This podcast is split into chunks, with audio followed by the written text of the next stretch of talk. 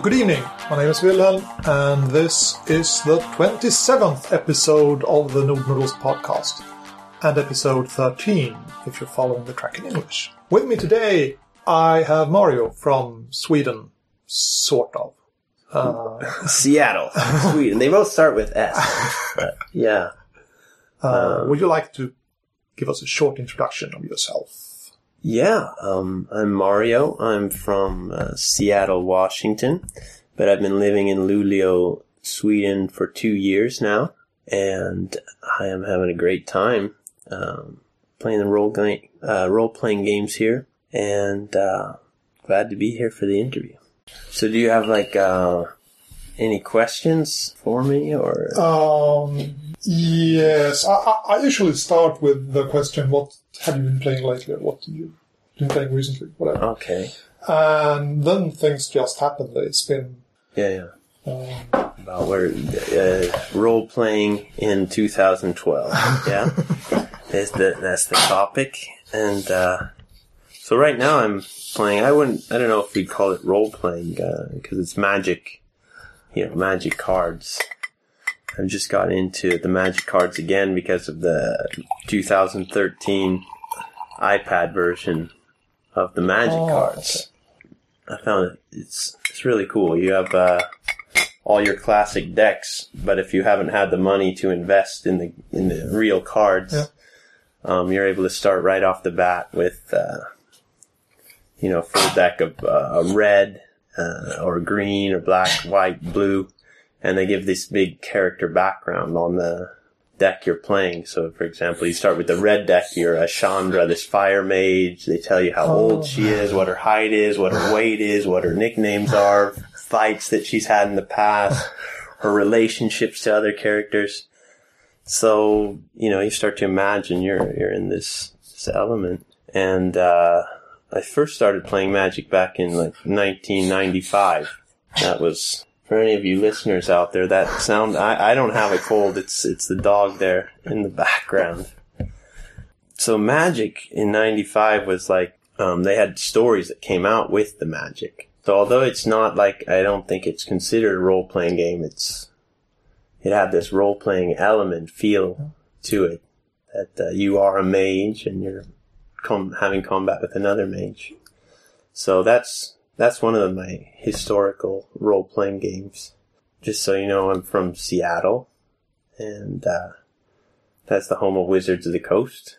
And uh, I was born in 1978, so with three o- older brothers. And uh, growing up in Seattle, my older brothers played uh, Dungeons and Dragons. Uh, first, the first editions. I remember the book. Uh, maybe I was five or six years old, and there's this black book, player's handbook, with this kind of fat, ugly devil on it with Yeah. the horns. yeah. Yeah. And that image is just in my head. That one and this uh, kind of bluish colored book with the dragon on it, on the top, a red dragon, and then all these different kind of characters below that. And uh, right away, I just want to sit in with six, seven years old, sit on a chair while my brothers were doing the role playing. They didn't let me play. They didn't even want me to be in the room. Like, I was like, this is so amazing. What is going to happen next? What is going to happen next? So by the time I was eight or nine, I started uh, playing with my friends, Dungeons and Dragons. And the most exciting thing was just making the characters rolling the 3d6 or 4d6 to put the stats in the right Yeah. place, imagining what, what this person's going to be like. Uh, I gotta give the dog some water. yeah, yeah, we can do that. It's, it's an interview with role playing elements, with sound effects going on in the background, you know? Yeah, there. So where I was at the D and D, eight or nine years old, and you know we just get these great. We'd spend hours just making the characters and reading the books and finding out, you know, is he going to have thirty feet of silk rope and what kind of leather jerkin and just the real basic small details and, and filling out the character sheet with pencil, putting Yeah. the STR for strength and trying to have your writing just perfect with the ruler and draw a picture of the guy. So by the time we finally got around to playing, you know, at that age, it's, it was so hard to figure out the mechanics. We'd just send our guy into a bar and then he'd leave the bar and get attacked by a giant rabbit or rat and he only had 10 hit points and he'd just get killed. So then we'd go off and play basketball. or something. That's, that's pretty much the, the height of the D&D. But when my older brother or his friends would run a campaign, then, then it was really good. He's a really good storyteller and he's still playing, uh, to this day. Uh, he's like 41 now. And when we do a, I have three older brothers, we do a trip in July and always part of the trip is we get out Dungeons and Dragons and he runs us through a campaign. yeah. Yeah. It's really, it's cool. So, uh, Dungeons and Dragons was one of the games. Then they came out with a game, uh, Teenage Mutant Ninja Turtles. And not the silly ones with the, you know, colored in eyes. They were the badass ninja with white eyes and, have you ever played that? Uh, no. Um, I, I hear it's good. I, I'm not um, very attracted by the theme. Okay. The, the the turtles never. yeah, it's more when you're 10 years old. Yeah. It's, it's like, whoa. You know, the, the actual game mechanics were also really so complicated. We didn't really get anywhere, but just building the characters, these mutations of any animal you could think of. They had just excellent artwork and, and, uh, I never knew what a margwai was, but from this book, there's this, uh, small leopard cat from Guatemala called a margwai, and they had it in the book with a really cool picture of a morphed half human, half margwai creature that had extremely good dexterity and could hide in shadows. And the dream was to just make like this ninja half cat man. And, uh, and then, so you could have your mutant, uh, animal. And then there was also cyber effects. So you could get the Wolverine claws or, you know, adamantium bones. I think the game combined with another game that's called like superheroes or Marvel superheroes with all, any kind of superhero idea concept. And so, uh, yeah, we just jam around on that. And they're just hard concepts when you're nine years old to understand big words like structural damage capacity and, and the little, and, you know, calculating out how much money you start the game with and calculating, you know, what are millions and can I afford the cyber claws or not? So D&D, Teenage Mutant Ninja Turtles, and then Star Wars. We had a brief session of Star Wars. The West End Games D6 edition. yeah, Yeah. yeah, with all the D6. I don't. That I have played. that you played. Okay. It was uh, translated into Swedish in the 80s. Okay. So I have played it a lot in in the Swedish translation of, of the first edition. Okay. Okay. Yeah. Um, That was fun too. Again, the game mechanics, I didn't really get the game mechanics a lot, but the DM just put a lot of effort into the story. We've all seen the movies and we uh, started off in a bar, like you usually do in role playing games. And he went to the kitchen and he came out with, with, uh, kind of fruity, um, Schweppes drink with no alcohol, but it had black ice in it Yeah. and like a gu- gummy worm. So it was like frothing and smoking and he was like, this is your bantha blood. and we were just like, yes, rock on. I'm into it. And there's a lot of laughing and joking that goes into it when we role play in Seattle. I'm pretty sure that's a worldwide thing. You just, you're half the time you're laughing, the other half the time you're ordering up pizzas, you're eating a lot of candy, you got your two liter of uh, Jolt or Mountain Dew, some Yeah. cheap, cheap soda. You can't get the real thing. You got to get the cheap stuff, you know. And uh, we'd go ten hours. Man, I remember my dad coming down, and um, he came down on a like on a Sunday night, and he, it was midnight, and we were like, you know, I was ten, my brothers were older, and then uh, he said, "Hey, cats, isn't isn't tonight a school night?" everybody's like, yeah, yeah, just play until three in the morning on a school night with uh, with some Dungeons and Dragons, and we'd set it up. You knew if it, if you were playing, it'd be like ten hours. Yeah. So we'd start, you know, Sundays, try to play once a week, and just epic moments that you remember. We had one character, my, my brother Carlo was playing a troll named Bartok, who could regenerate.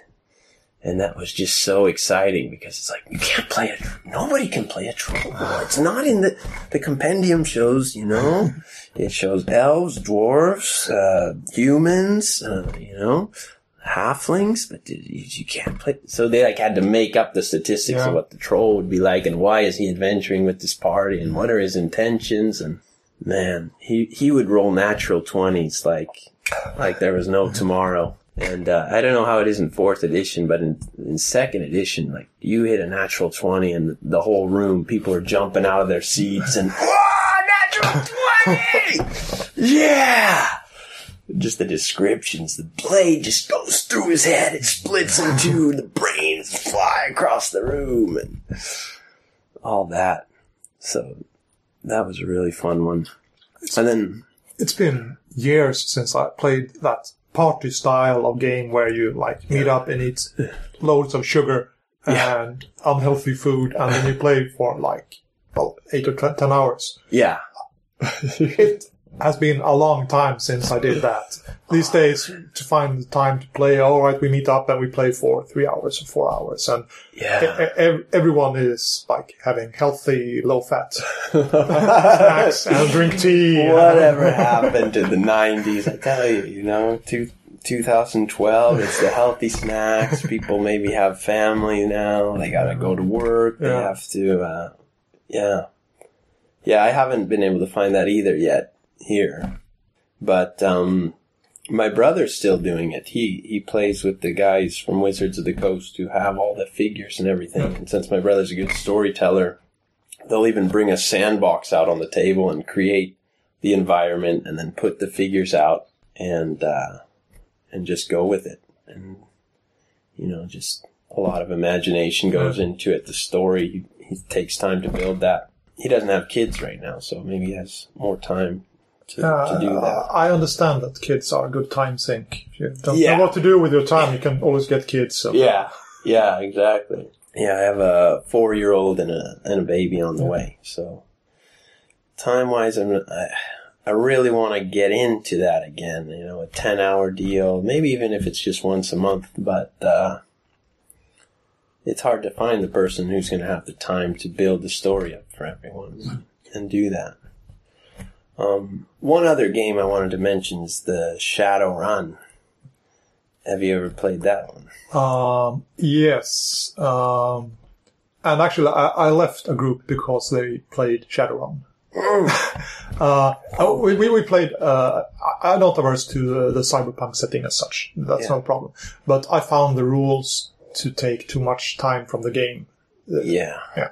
Uh, I, I did some mistake when we made characters, so I only got one action per combat round, and all the other Yeah. guys played like these cybered up guys with four actions.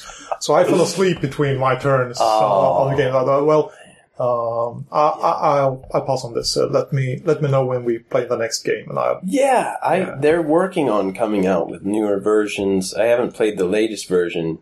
I again, with all my role playing experience outside of my brother's D and D campaigns, it's been the big excitement of building your character. Is it a rigger? Is it uh, oh an adept? It's so he's not cybered up. He's an adept with like ninja skills, or uh, shaman, or all these great character concepts in the story of Shadowrun.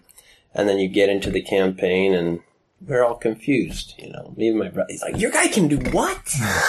he can roll six dice. No, you didn't read that rule right. Nobody can figure out the rule. Like we were trying to figure out the adept. I was way overpowered compared to the other people.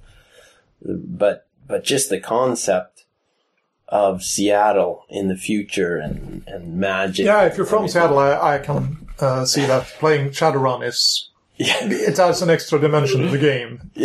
Yeah, definitely, definitely. I mean, imagine if you had a game that was built up and, and it took place in Luleå, and you could say, okay, you're out in Porsön, and there's been rumors about zombies coming out there, and you know, you're like, I know exactly where that is, and I'll run down to this river to hide because, oh, I could climb up on that building that's over in. No, that building's not there anymore because it's the future. yeah, but Shadowrun is another big one from the past of, of role playing. And just the smell of the game shop when you went in and buying your dice and getting just the kind of dice that look really cool and flipping through the modules or the books and and the figures, picking out your your character's figure when they were lead Yeah. figures and we we'd put foam in the bottom of the pizza boxes and then uh, put all the lead figures Yeah. in there, you know, to try to keep them in, in pretty good shape. And I had a cousin who could paint pretty well. So that's, you know, that's the role playing from, from my background. I remember one lead figure was just a dead body that was laying flat on the ground. But it was painted up and it was so cool. It was like anytime anything dies, we put that guy out. there, it, there it is.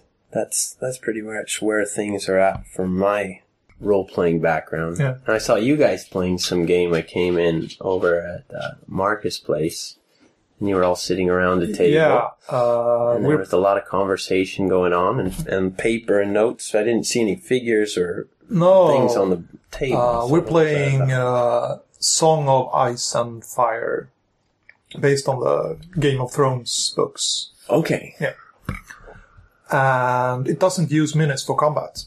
okay, So it's uh, there. There are still combat rules, of course, and mechanics and so on, but you don't need minutes to play them. You just uh, narrate where you are and describe the locations of the characters. So Is it with a D twenty when you're attacking? to see, uh, you roll pools of d6s. Okay, So uh, you have, you have a skill or stat or something, and you roll that many d6s, and then you count. You you add them up okay, like in Star Wars, okay. and uh, compare to difficulties to see what happens. the D six. They had the D six rule in Shadowrun. Oh yeah, uh, different rules, Yeah. but but still, yeah, d6. But uh, do you add them up there, or do you count successes? I remember adding them up, or maybe they're successes. You know, all the fives and sixes. Yeah, maybe something. I, I, I, I, love it when you in a role playing game you get an epic spell like a fireball, and you finally got it because you reach level five or six, and then you can invest in a skill to get extra boost to your fire powers. But at the same time, it puts you at risk because you get nauseated or something for two rounds. But uh, the kind of spell where you can just take out the whole handful of dice. And hopefully it goes well, and you maybe you have a karma point so you can re-roll something. But when that one goes off, you just see the board get cleared. That's that's my kind of fireball in a in a role playing game. So I, I, I wouldn't object to uh, going to a D six kind of game, and I I'm actually going to buy the Ice and Fire book, Game of Thrones. Yeah. I'm not sure if I'm going to play the game, but because I'm reading through all the books, I'm on the third book now. It's so cool to go in and see the you know really well done the artwork and how they tell the story be- behind each house. Yeah. Again, in the story, you kind of have a clear idea who's who. The Lannisters are easy to remember, Yeah. but they have so many different characters and so many families with that. Uh, role playing book, you read through that, and it's like, well, I've got a doctorate in, uh, you know, in Game of Thrones. I got a doctorate in this. I know who this person is and all that. And so it'd be something I'd be interested in trying out. Um, the Game of Thrones. Where I'm at right now, uh, I'm not sure if Ali's listening, but uh, he's a he's a good role playing friend of mine. Played a guy named Krugel, dwarf. We were Russian dwarfs in D and D, fourth edition. But uh, I want I want to play a role playing game where we start out with just the basics, just some breeches and a jerkin and a dagger, and you know we're really weak and dirty at first, and and then you know if it could just progress kind of quickly, like every week we're going up a level, or at least every other week, and uh, not just kind of junky items falling down, but you know, when when you actually get this Zweihander sword, you're like, whoa, I got this Zweihander. I got this Zweihander now. Now thinks this is a game changer. That, that kind of, if they had a role playing game that didn't get too bogged down with all of the, um, groundwork, all of the mechanics, and that brought to life this, the feeling. Excitement of uh, improvement. Yeah, excitement of improvement, maybe bring out the black ice and the bantha blood again and and when you actually go up to take on maybe a vampire or something, it really feels like holy sh- man, we're in trouble. We're in not just like, oh another horde of vampires. rolled healed up. Okay, we killed them. What's next? Um, but fourth edition is, um, of course, there are lots of things to tweak there, and you can optimize your character to do this or do that. There, there, of course, there are lots of fiddle bits in there, but Yeah. uh, this first edition Dungeons and Dragons, Yeah. it, that, that was so easy. Uh, yeah. and aware of this old school renaissance or old school revolution that people are going back to play either first edition Dungeons and Dragons Yeah. or new games made in the style of first edition Dungeons and Dragons. So all over the interwebs there are people doing retro gaming, Retro gaming. playing like the good old days, like in 1979 or 80 or something like that Well, I- and writing new uh, source material, new adventures, new uh, books, new games that emulate this old style. Wow. that that's something I definitely want to look into and try out. It's, um, yeah, with fourth edition, it just started to feel a little bit too restricted. Uh, there was almost too many definitions, too many books, too many. Uh, how I can swing like that, or I can swing like that, and I have to choose and check off my box when I Yeah. when I do that. Whereas uh, I'd rather be able to describe how I'm swinging, and uh, you know, if it's against an equal, okay, I have a fifty percent chance of success. If it's against something that's much stronger, I got a thirty percent chance, and if it's something weaker, then I got a seventy percent chance, and just go from there. And and everybody at the table feels like their character's equally equally kind of powerful. And I've heard about the Pathfinder. I haven't played it, but uh, that's something I'd be interested in. But it's it's sort of like uh, 3.5 of Dungeons and Dragons, so it's still rather many details uh, and stuff. Yeah. At least compared to first edition. Okay, okay, yeah. I just have to find the right base mechanics and then fill in the story around the mechanics. Like I, I invested. My brother sent me all the books for D and D fourth edition. I got so excited about Dark Sun. So I've got this background story, character names, monsters, everything. And if I could just translate that over to a system that is like, okay, you know, you can let off the end of the world fireball, nuclear bat blast, uh, or, you know, Uh, well, I, I, I got to show you this. Um, we are playing um, Swords and Wizardry, uh, which is uh, a clone of this first edition Dungeons and Dragons. And we have translated the character sheet to Swedish, which you can see. But since you speak a little Swedish, I, I Yeah, you can follow must it. be strength. yeah. And Physique must be vitality, maybe. Constitution, it's called in uh, Constitution. yeah, in uh, Intelligence is intelligence. Wisdom is wisdom. Wisdom. Charisma is charisma. I'm glad. Uh, I like that charisma s- stat and uh, comeliness. Th- That brought in some big debates back in the '90s when uh, we had a DM. I don't know why, because sometimes there's a little personal grudge, maybe in real life, that's Yeah. going on, and then it translates into when you're playing. My brother wanted to play this gorgeous 18 comeliness uh, drow elf.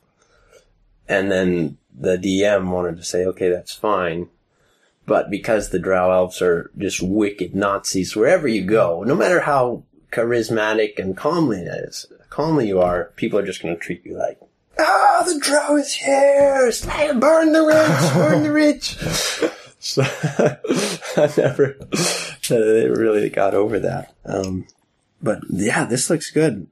Um, Your base statistics. Now you're rolling d20s here, Yeah. or d6s? no, it's d20s. It's like it's like old school uh, or first edition Dungeons and Dragons. And I'm playing this with my girlfriend.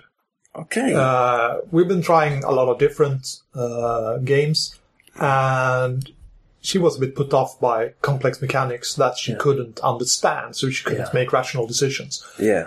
And we tried lots of different, very good games, but she never got really the hang of the mechanics. Yeah. So then we played this, and this she can understand because you make Yeah. your attack roll Yeah. And you make saving throws, and everything Yeah. else is just free narration.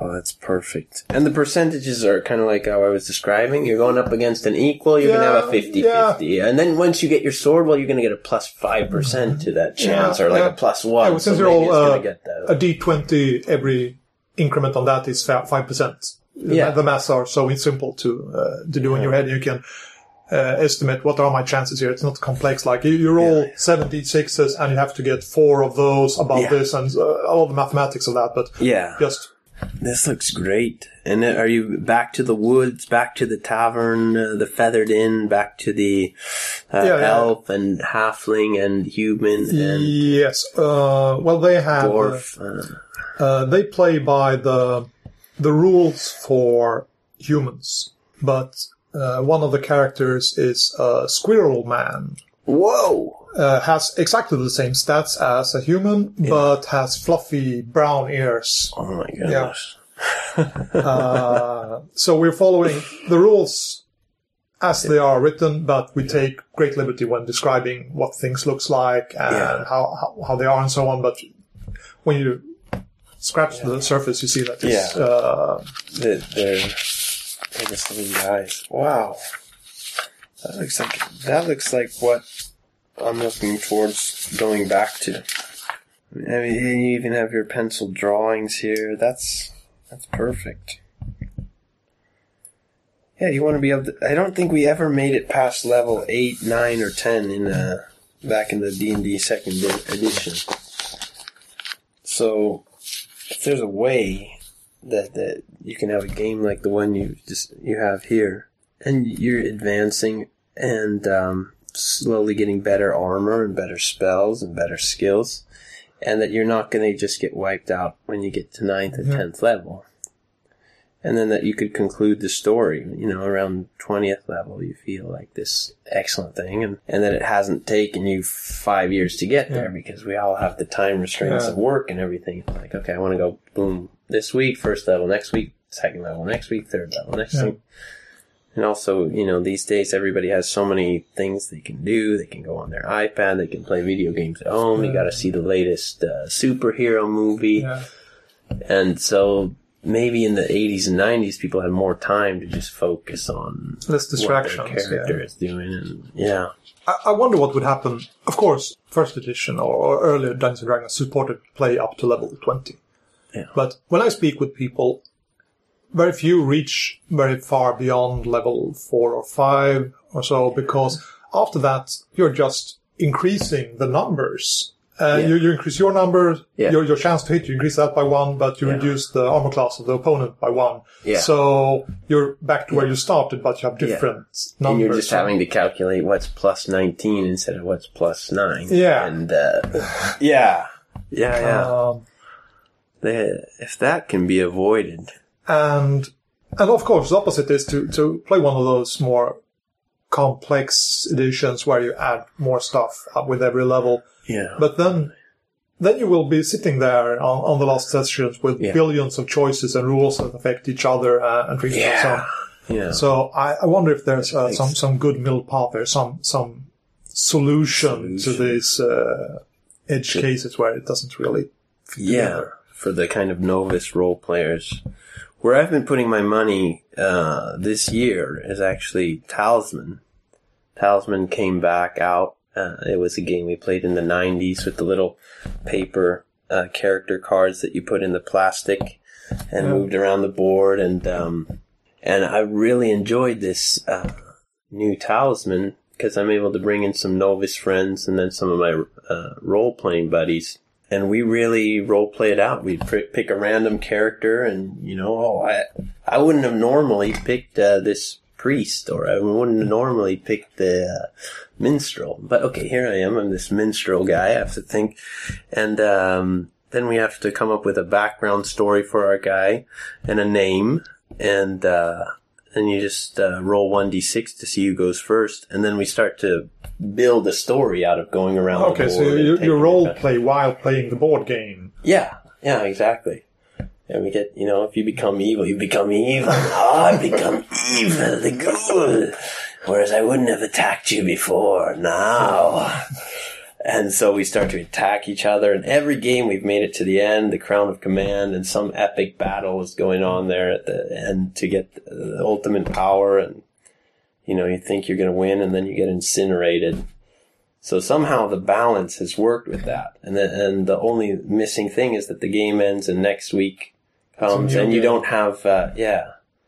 If there's a role playing game where you you get that crown and then the story continues and you can see how your minstrel oh well, now he's got a better loot and now he can advance and better clothes and and then with the simplicity of it's a d6 and uh, you're either going to have plus one or plus two and you're increasing in your strength or your craft um, that could be perfect somehow somehow kind of combination and it's also good because uh, in terms of the dungeon master nobody's having to sit and think of a perfect story because the story just unfolds it by the plays itself. randomness Yeah. yeah of, of the cards I don't know. Have you played uh, the Talisman? Yes, but that was 20 years ago, or something like that. Wow. I've even um, I invested in about seven hundred kroner worth of paints and paintbrushes. I never painted figures before, but I was down in Barcelona at a games workshop, and they have really good price. And I said, "This is something I want to check out." And I asked the guy at Games Workshop, "What is my basic kit going to run me? What do I need? Like ten paints and a brush?" And he was like, uh, "You're going to need this. You're going to have any blonde character? Okay, you're to need that." You want your swords to look real or just like a piece of silver? Okay, then you're going to need this gray and this silver. Yeah. So I ended up with like uh, 24 little paint tubes of the Citadel paints and uh, primers and Yeah. everything. And uh, here, in, when it's rainy in Luleå and dark and gray, it's just great to sit and with some some kind of Game of Thrones soundtrack or uh, Skyrim soundtrack in the background, World of Warcraft soundtrack in the background, and just paint figures for like two hours, three hours. And then when you get to the game session, people are flipping out. You're like, "We're playing Talisman, and you've got these detailed figures, and Uh, are Three there or four. minis in Talisman these days? Or- Yeah. Yeah, cool. these days they've we switched from the little yeah, they've switched from the paper stands to little plastic minis. They're Okay. Not the highest quality. Uh, not like uh, how I'd imagine uh, Space Hulk or you know, these kind of minis are, but um, they're detailed enough that they're you know they're fun to Yeah. look at, fun to paint. I haven't I haven't played any of the Warhammer. I was always attracted by the figures and the amazing. I would actually buy the Space Marines and stuff but uh, it felt like too big of an investment and too many figures to build and paint up. But I I like the idea, and uh, so I wouldn't be against playing some futuristic kind of concept role playing either. You know, up against aliens or, or things like that. One and the last role playing game that I didn't mention from the '90s was called Car Wars. You ever play that? There. Yeah. Top of Car- What is that? What year is that from? Um, let's see. Uh, 90. This is the 99. Car Wars Compendium, complete rules in one volume. Second edition. See that that takes you to a whole different world as well. We would take uh, little Matchbox cars, paint them up, uh, customize them, put bullet holes in their windows and stuff. Why Matchbox cars? Oh, you even have the cars there. Oh my goodness. Well, um, that's something I I don't I don't really remember the mechanics so well, but I do remember just the the imagination and the feeling of that you're going really fast in this car and the bullets are going Yeah. into the door. We we played it a lot with uh, standard maps and little cardboard tokens, chits. Oh yeah, yeah, yeah. And then someone opened the door and the whole town flew off the table because some Oh. gust of wind up. So I sort of, I, I liked playing the game, but I'm sort of hesitant to teach others how to play it these days because it's Yeah. rather complex. Yeah. When, when, when you, when, uh, it looks simple, but then I took out the rules and I read, oh, there are lots of options and little fiddly bits in these. Yeah. It would take a lot to actually teach them and the. Geometry, given the trajectory and the turret on your car, so if you're moving five spaces at this speed, Yeah, and yeah, yeah, yeah. find- And when you're shooting, you have to take in consideration uh, the vector of your opponent as well, Yeah. so you can uh, adjust for the modifier when you're rolling to hit. Yeah. So it's a lot, and the book isn't very good at teaching how to do it. okay, Uh, it was okay by 80 standards, but these Yeah. days, uh, reading comprehension is at an all-time low thanks Yeah. to YouTube. yeah, Uh, so I have on the back burner it's sort of a side project to write. This is how we play the game, and then write my own new rule book or or, or teaching materials for. All right, we're going to play this game. This Yeah. is the rulebook. Throw the rulebook away. This is Yeah. how we play the game, and yeah. use my own materials. Come up with your own uh, mechanics that make it feel yeah, real the, the, the mechanics are are good. Uh, may, maybe they have a bit too much detail for my taste these days. Okay. But but the material that teaches them in the book is Yeah. sort of wow. I don't like yeah, it's shady. and I've done a lot of this work in role-playing games lately. Yeah, Uh, uh, I bought uh, a game called uh, Polaris, a role-playing game, yeah, A- and I read it. All right, I love this. I love this game, uh, but the character sheet does nothing yeah, to explain how the game is played, and the rules are sort of. So, I, all right, right, this is how we play the game. Then I wrote my own rules and made my own character sheet yeah. and now I can sit down with people and play it in three or four hours right away, and everyone Yeah. understands what they're doing instead Yeah. of me like telling them and they're, oh, I, I understand, but they don't understand. Oh, see, that's that's the perfect. I think uh, compromise is to mod a game so that it works, so that the four, three, four, five people sitting at a table, nobody's feeling like, oh, that guy's character is so strong, and I only get my one thing I can do. Yeah. But everybody at the table is feeling like, I have my strong point, and I understand, and uh, that that that's kind of the goal. I loved it in the Car Wars. Now that you remind me of the little cardboard pieces, you had your car when it was in good condition, and then you flipped it over when it was all beat up. Yeah. Oh man, and just turning and tilting them around the board. Yeah. but when you played, uh, you played with Matchbox cars. No, now that I remember, I think it's with uh, it was with those cardboard Yeah. pieces. But we tuned Matchbox cars to look like Road Warriors and things like that. I'm not sure if we ever played with them on a on the square. Because they made uh, uh, a turning template, which is sort of like a geometry instrument uh, Yeah. out of cardboard, so you can actually play on any surface Yeah. at Matchbox scales. You just take Yeah. your Matchbox car, and instead of moving one uh, one grid forward, you Yeah. place uh, the template right next to the vehicle, and then you move it along the template. So then you have moved, so you can go at. You're not strict, restricted to the grid. Of To the grid play, play anywhere. That would be something I'd like to combine in a world like Shadowrun, for example. So you're not just in as restricted to I'm a car driver and I go into arenas and battle, but like, oh, the story's going on outside and now, uh, you've robbed the bank and you're in a car chase. Okay, now we're doing the, cause I haven't figured out a role-playing game that has good, uh, if you get a griffin, you're gonna be fighting on, in the air, or if you're in a car, or fighting from the horse, or fighting, yeah. it's, it's still a little bit It's hard to do good vehicle rules. Yeah, yeah. I don't know if you found anything out there. Uh, I haven't found anything that still feels like a role playing game. okay. Of course, there are good rules, like, like Car Wars. Yeah. But to me, it stops feeling like a role playing game once we pick out the the min- minis and playing. Yeah. And it could be a good game, a fun game. Yeah. I could have a blast. But I'm not playing a role playing game anymore. I'm playing a board game or a minis game. Yeah. Yeah. Uh, for uh, Car Wars, uh, are you familiar with GURPS from Steve Jackson games? That's a game that I've heard the name before, but. I never. Uh, it's sort of a generic rule set, and there are like hundreds of different settings to use the same very basic rules mechanics. And Okay. Uh, lots of lots of settings. You can And go what- in the future. You can go Yeah, into medieval what- times. You yeah. can whatever. Um, and one of those is GURPS Auto Duel, I think it's called. And that is a role playing setting for use with Car Wars. okay. Uh, so you can play, you make, you make ordinary role playing game characters with stats and skills and so on. And You play role playing games, and then you get into your vehicles and you pull out Car Wars and you play that, and then. Okay.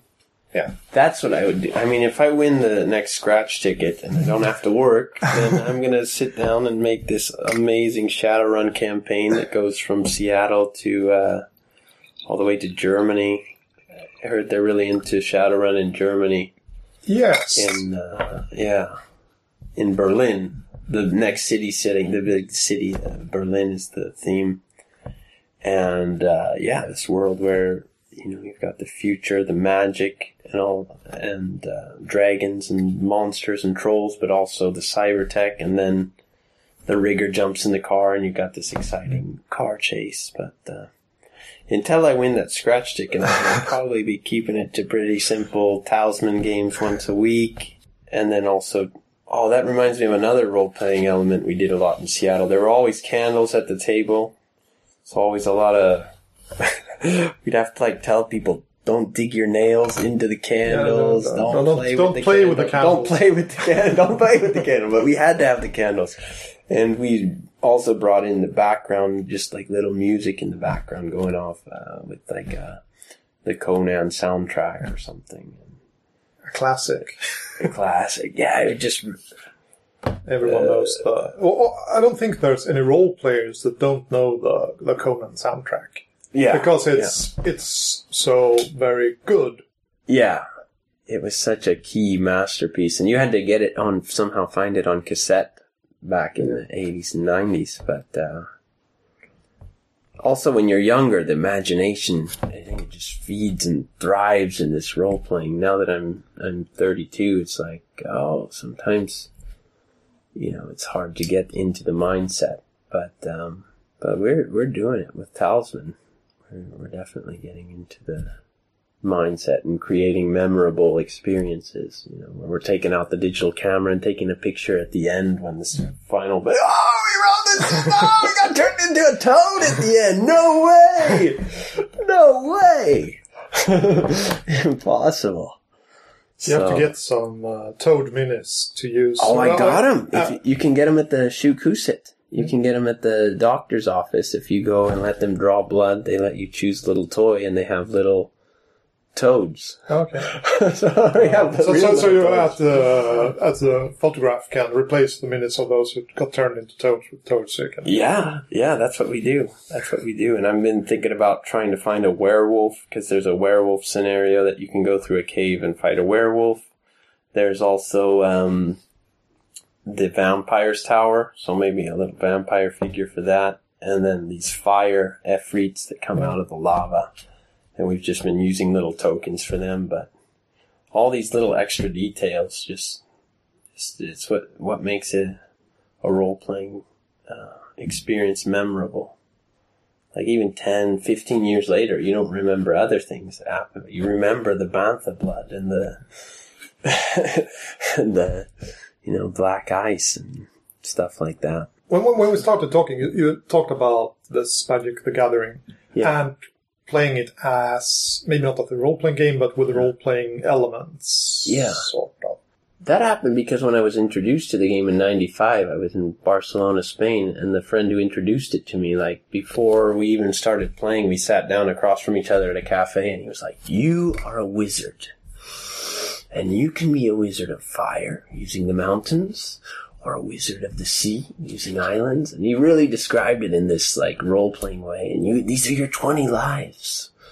And you get, I'm trying to attack you directly, but you're using your spells and conjurations and counter spells to defend yourself. It was like, whoa, okay.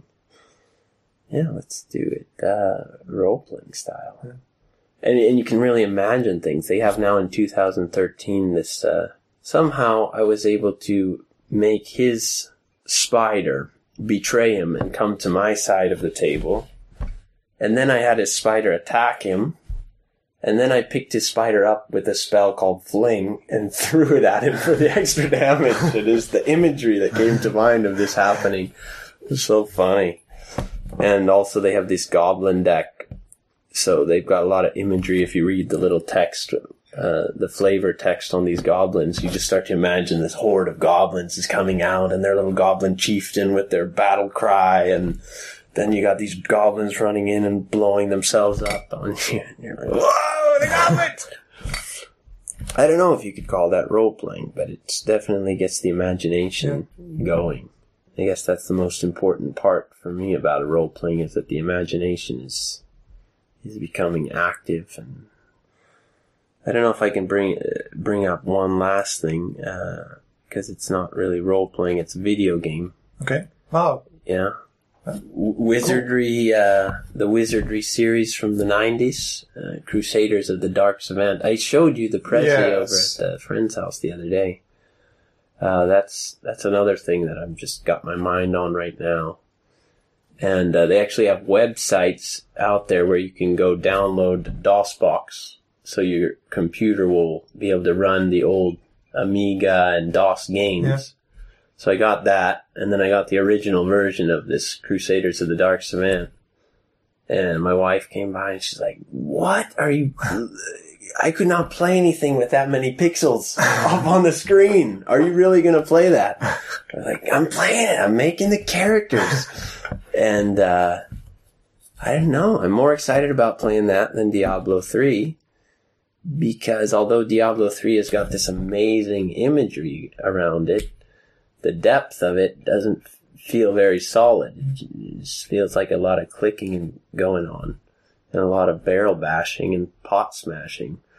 Whereas, um, these old turn-based role-playing games for the, for the computer, again, you're using your imagination a lot more. So you got these pixely little characters up, but as you're casting the flinging stones or the, you know, the nuclear blast and little rat characters are blowing up everywhere.